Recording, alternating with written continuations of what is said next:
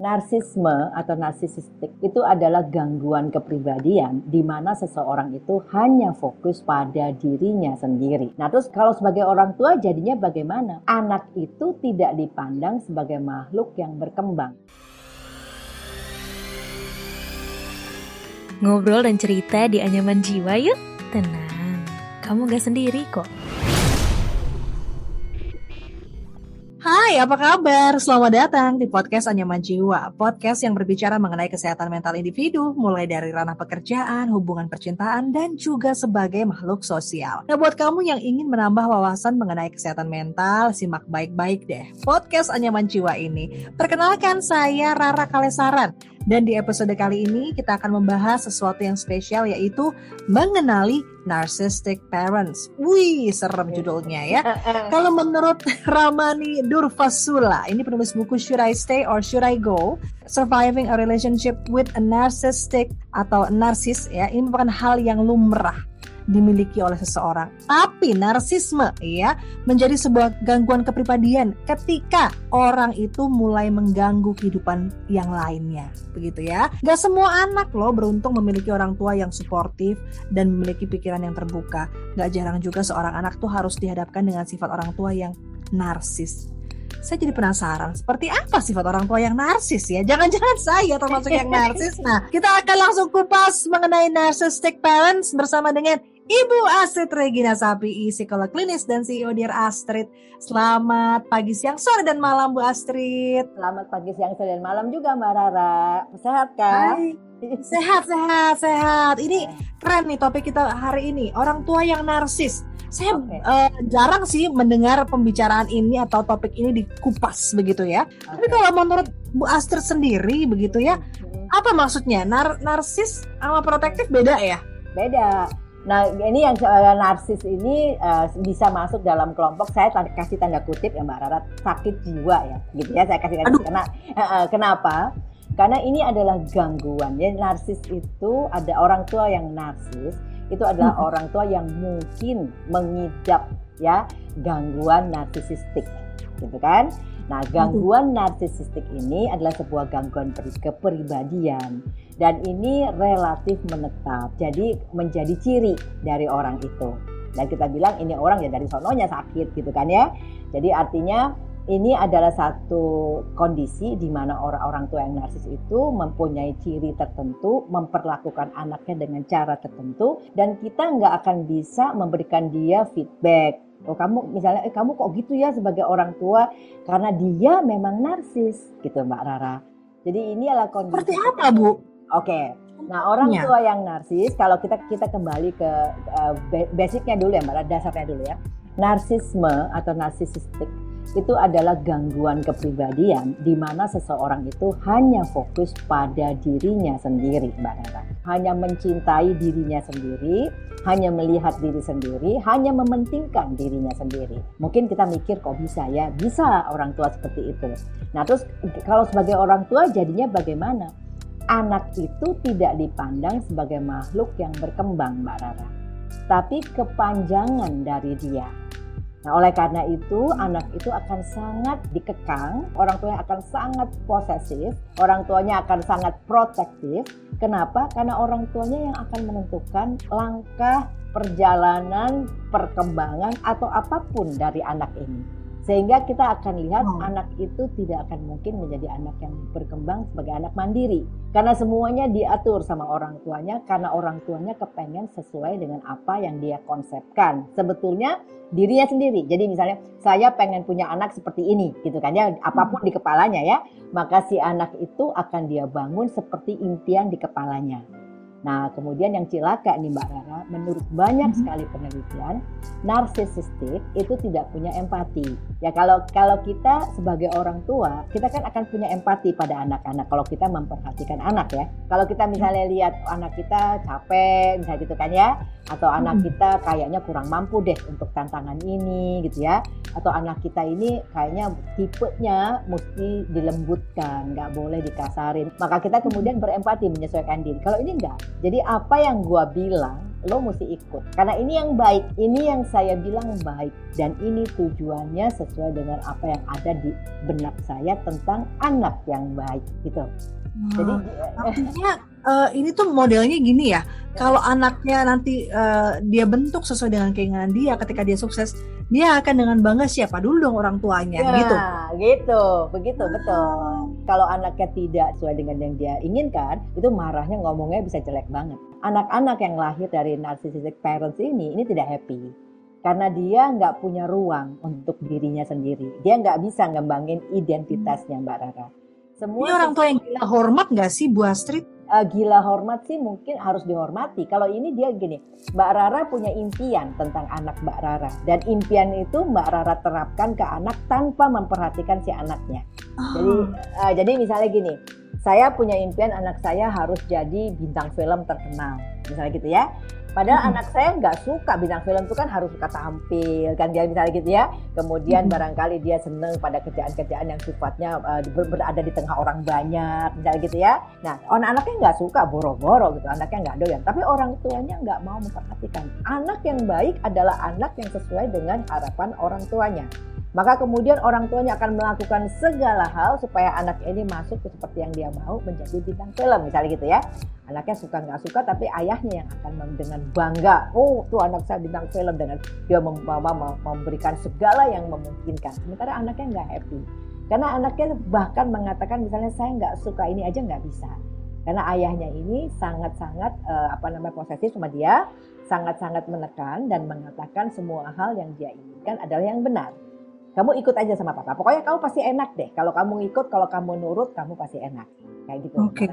Jadi jadi okay. ini ini bukan situasi yang menyenangkan, tapi kejadian kok banyak kok di sekitar kita juga. Ya nggak nggak banyak ya, hmm. ya maksudnya ada juga di sekitar kita. Jadi bukan sesuatu yang nice, bukan sesuatu yang menyenangkan. Dan ini dalam tanda kutip sebetulnya sakit kan orang tuanya. Tapi namanya ya. juga penyakit ya. Gangguan kepribadian kan mulai dari yang sederhana sampai yang paling parah gitu kan Mbak Rara. Tapi oh. ya, tapi intinya narsisistik itu orang tua yang sangat posesif, punya konsep tertentu untuk anaknya, tidak mau dengar orang lain selain dirinya sendiri dan tidak peduli anaknya mau atau tidak mau, suka atau tidak suka, sesuai apa tidak sesuai. Pokoknya apa yang saya bilang itu yang harus kamu jalani gitu. Karena itu okay. adalah impiannya dia gitu Bu Aset pernah um, ada ada apa klien, ada klien begitu uh, seperti ini. Nah ini biasanya yang uh, akan curhat nih dari anaknya atau Anak. orang tuanya yang akhirnya mungkin menyadari atau bagaimana? Uh, orang yang sepanjang yang saya tahu sampai saya panggil orang tuanya pun orang tuanya bisa bilang begini, itu anak kurang beruntung. Saya udah kasih kesempatan kan enak anak lain itu kan harus cari. Saya udah punya relasi, jalannya saya udah punya dia tinggal jalan saja mengikuti apa yang saya tentukan. Itu anak kurang beruntung, anak kurang bersyukur. Orang tuanya ngomong gitu biasanya Mbak Rara. Sementara anaknya, saya ini merasa saya bukan manusia. Saya nggak pernah didengar Misalnya ini ayah ya, ayah nggak pernah tanya sama saya apa saya suka atau nggak suka. Ayah juga nggak pernah tanya apa saya capek atau apa saya mau, gitu kan? Yang yang ayah pikir cuma yang ayah anggap benar itu benar dan ayah nggak pernah dengar apa yang saya pikir. Nah, itu anaknya bisa begitu. Dan pemberontakannya biasanya mulainya berada di sekitar uh, eh, SMA sampai mahasiswa ya Mbak Nara efek jangka panjang Bu Astrid bagi anak yang memiliki orang tua narsis? Saja nomor satu anak itu nggak punya kepercayaan pada diri sendiri, Mbak Rara ya. Karena dia kan selalu di keinginan dia selalu dibunuh. Jadi anak ini nggak tahu saya ini sebetulnya siapa. Kok kayak boneka ya yang dimiliki kemudian dibangun seperti membangun jalannya boneka kan gitu. Ya, gak pernah, ya. uh, jadi nggak pernah didengar apa yang saya mau. Saya juga dianggap nggak ada gitu kan yang ada adalah impiannya dia dan saya mesti jalan di dalam impiannya dia gitu kan ya nah, ini kan apa jadi ada kecemasan juga di situ rasa rasa takut jadi sebetulnya ini adalah orang tua yang dalam tanda kutip sakit sehingga menghasilkan hmm. anak-anak hmm. juga yang tidak sehat gitu kira-kira ya wow ini uh, saya menemukan dua kata kunci dari Bu Aster tadi ya. sih ini menarik sekali bahwa anak butuh diterima anak mau dihargai ya, Betul. ya ini bisa sebagai pegangan kita sebagai orang tua ya, ya dan anak-anak harus tahu bahwa ketika sudah tidak diterima, ketika kita ngerasa kok nggak dihargai, waktunya kita untuk mencari pertolongan mungkin atau kita berbicara begitu ya Bu Astrid. Betul, betul. Dan itu harusnya keluar. Hmm Karena karena kalau dia masih berada di bawah pengaruh orang tua yang apa yang narsisistik tadi, orang tua itu kan toksik berarti kan Mbak Nara ya, orang tua yang toksik ya. tadi, dia nggak bisa, dia nggak bisa berada di, di luar jangkauan mereka. Tapi biasanya kalau dia udah bisa keluar, jadi udah lewat remaja ya, biasanya udah lewat SMA, udah jadi mahasiswa, kan lingkup lingkup dia bisa lebih besar. Nah, baru dia bisa berpikir untuk ngelepasin diri dari pengaruh ini dan mungkin starting over Mbak Rara ya starting over start dari awal. Apakah dengan bantuan profesional misalnya ya untuk menemukan jati diri atau teman yang baik juga mungkin saja atau dia mulai membangun dirinya sendiri di bidang yang dia suka itu juga mungkin saja gitu kan? Tapi paling ya. tidak kalau, kalau dia masih sehat dan dia ingin mengembangkan diri masih ada kemungkinan. Karena otak kita ini sangat ini kok sangat fleksibel. Correct me if I'm wrong tapi ya. sepertinya pola asuh seperti ini kok banyak ya di Indonesia ya. Kita banyak menemui di drama-drama di uh, sinetron tahun gitu ya. Kalau di luar yeah. negeri mungkin anak-anak di 17 tahun mereka sudah keluar dari rumah, mereka habis sudah menentukan hidup mereka sendiri. Tapi di Indonesia itu sepertinya bibit bobot bebek, kebanggaan orang tua ini masih sangat menjadi apa namanya sesuatu hal yang diagung-agungkan oleh orang tua begitu ya? Betul, betul. Bahkan kadang-kadang profesi harus sama ya sama ayahnya gitu kan? Wow, kita uh, menempatkan diri sebagai orang tua terlebih dahulu di sini, Bu Astrid. Bagaimana ketika kita mendengar podcast ini, waduh, sepertinya aku juga ada potensi ke sana nih. Bagaimana cara kita mengubah itu? Ya, oke. Okay. Nah, kalau sebenarnya kalau udah kayak Mbak Rara gitu, waduh aku berpotensi ke sana ya, kita bisa kemudian ngerem nih, ngerem diri ya. Jadi artinya, oke, okay, hmm. saya nggak boleh nganggap anak saya seperti sebuah boneka yang bisa saya atur hidupnya. Maka pelan-pelan saya lepasin deh, biarin dia mungkin tidak sama dengan apa yang saya bayangkan, barangkali bertolak belakang bahkan, tapi dia adalah dia, dia bukan saya. Nah, mulai dengan kesadaran itu aja udah bagus Mbak Nana. Kemudian dilepasin ya pelan-pelan gitu kan. Gimana pun juga orang tua kan cinta sama anaknya. Ya dilepas ya udah karena uh, apa namanya sekarang kamu jadi kalau mungkin dia ngoreksi dengan mengatakan papa selama ini atau mama selama ini berharap kamu misalnya jadi X gitu kan. Tapi ternyata kamu kayaknya nggak suka ya coba deh yang kamu suka apa? Gitu kan mama sama papa akan coba untuk dukung. Nah itu beneran diomongin gitu kan jadi kita nggak boleh posesif. Kita coba lepasin. Tapi ini mbak Rara lebih gampang diomong daripada dilakukan. Gitu kan? Yeah. karena jauh lebih susah ngelepasin anak dan ngelihat anak jungkir balik gitu kan? Itu jauh lebih susah. Daripada kita pegang kita yang ngatur kita dudukin di situ. Kan lebih gampang itu Mm-hmm, betul, nah, betul, betul, betul. Tapi kalau memang ingin, kalau ingin anak kita menjadi manusia produktif, kontributif, ya bahagia, maka kita mesti melepaskan dia menjadi manusia yang punya harga diri dong, manusia yang punya ya. cita-cita yeah. sendiri, kan gitu ya, manusia yang tahu apa yang dia inginkan. Nah itu kita mesti belajar ngelepasin dia untuk ngikutin impiannya, bukan impian kita. Kan wawasannya yeah. udah beda sih Mbak Rara aja jadi memang ini yang perlu kita pelajari. Kita nggak selalu lebih tahu, apalagi di era digital ini gitu loh. Iya, betul sekali. Nah, hmm. kalau sekarang terakhir nih kita menempatkan diri di posisi anak yang mana mendengarkan podcast ini, oh ternyata aku ada di keluarga yang mempunyai orang tua narsistik atau narsisistik sebenarnya Bu Astrid? Narsisistik, narsisistik. Narsisistik. Ya. Ternyata aku narsisistik nih. Aku harus gimana gitu? Aku nggak bahagia banget nih.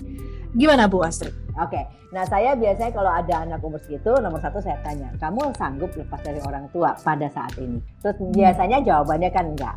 Nah kalau kamu nggak sanggup, satu hal yang harus kamu pastikan adalah orang tuamu memang udah modelnya begitu. Ini orang tua yang narsis orang tua yang narsis kepribadian narsisistik gitu kan ya. Nah, jadi di orang tuamu udah begitu dan kepribadian narsisistik itu adalah kepribadian yang bentuknya ya udah kayak gitu itu. Jadi, kalau kamu masih di bawah mereka, satu-satu yang bisa kamu lakukan cuma mengikuti apa yang mereka mau, mencoba menjalankan hmm. sebagaimana yang mereka harapkan. Tapi karena kamu sekarang mulai sadar, kamu lakukan sesuatu untuk mengurangi dampak dari apa yang dilakukan ayah kamu supaya kamu nanti kalau lepas dari mereka tidak seperti kamu sekarang merasa gamang, kurang percaya diri, merasa nggak mampu melakukan apa-apa karena semua sudah di, dicepai nih orang sini bilangnya udah disediain oleh ayah, gitu kan? Iya. Jadi kalau kita merasa sikap nah, orang tua aku yang narsisistik ini membunuh aku, maka terbunuhlah aku. Tapi kalau ini adalah tantangan, saya punya tugas besar untuk tumbuh jadi orang yang sehat, gitu kan ya. Kalau dibawa orang tua yang seperti ini dan saya terus menderita, saya tidak akan sehat.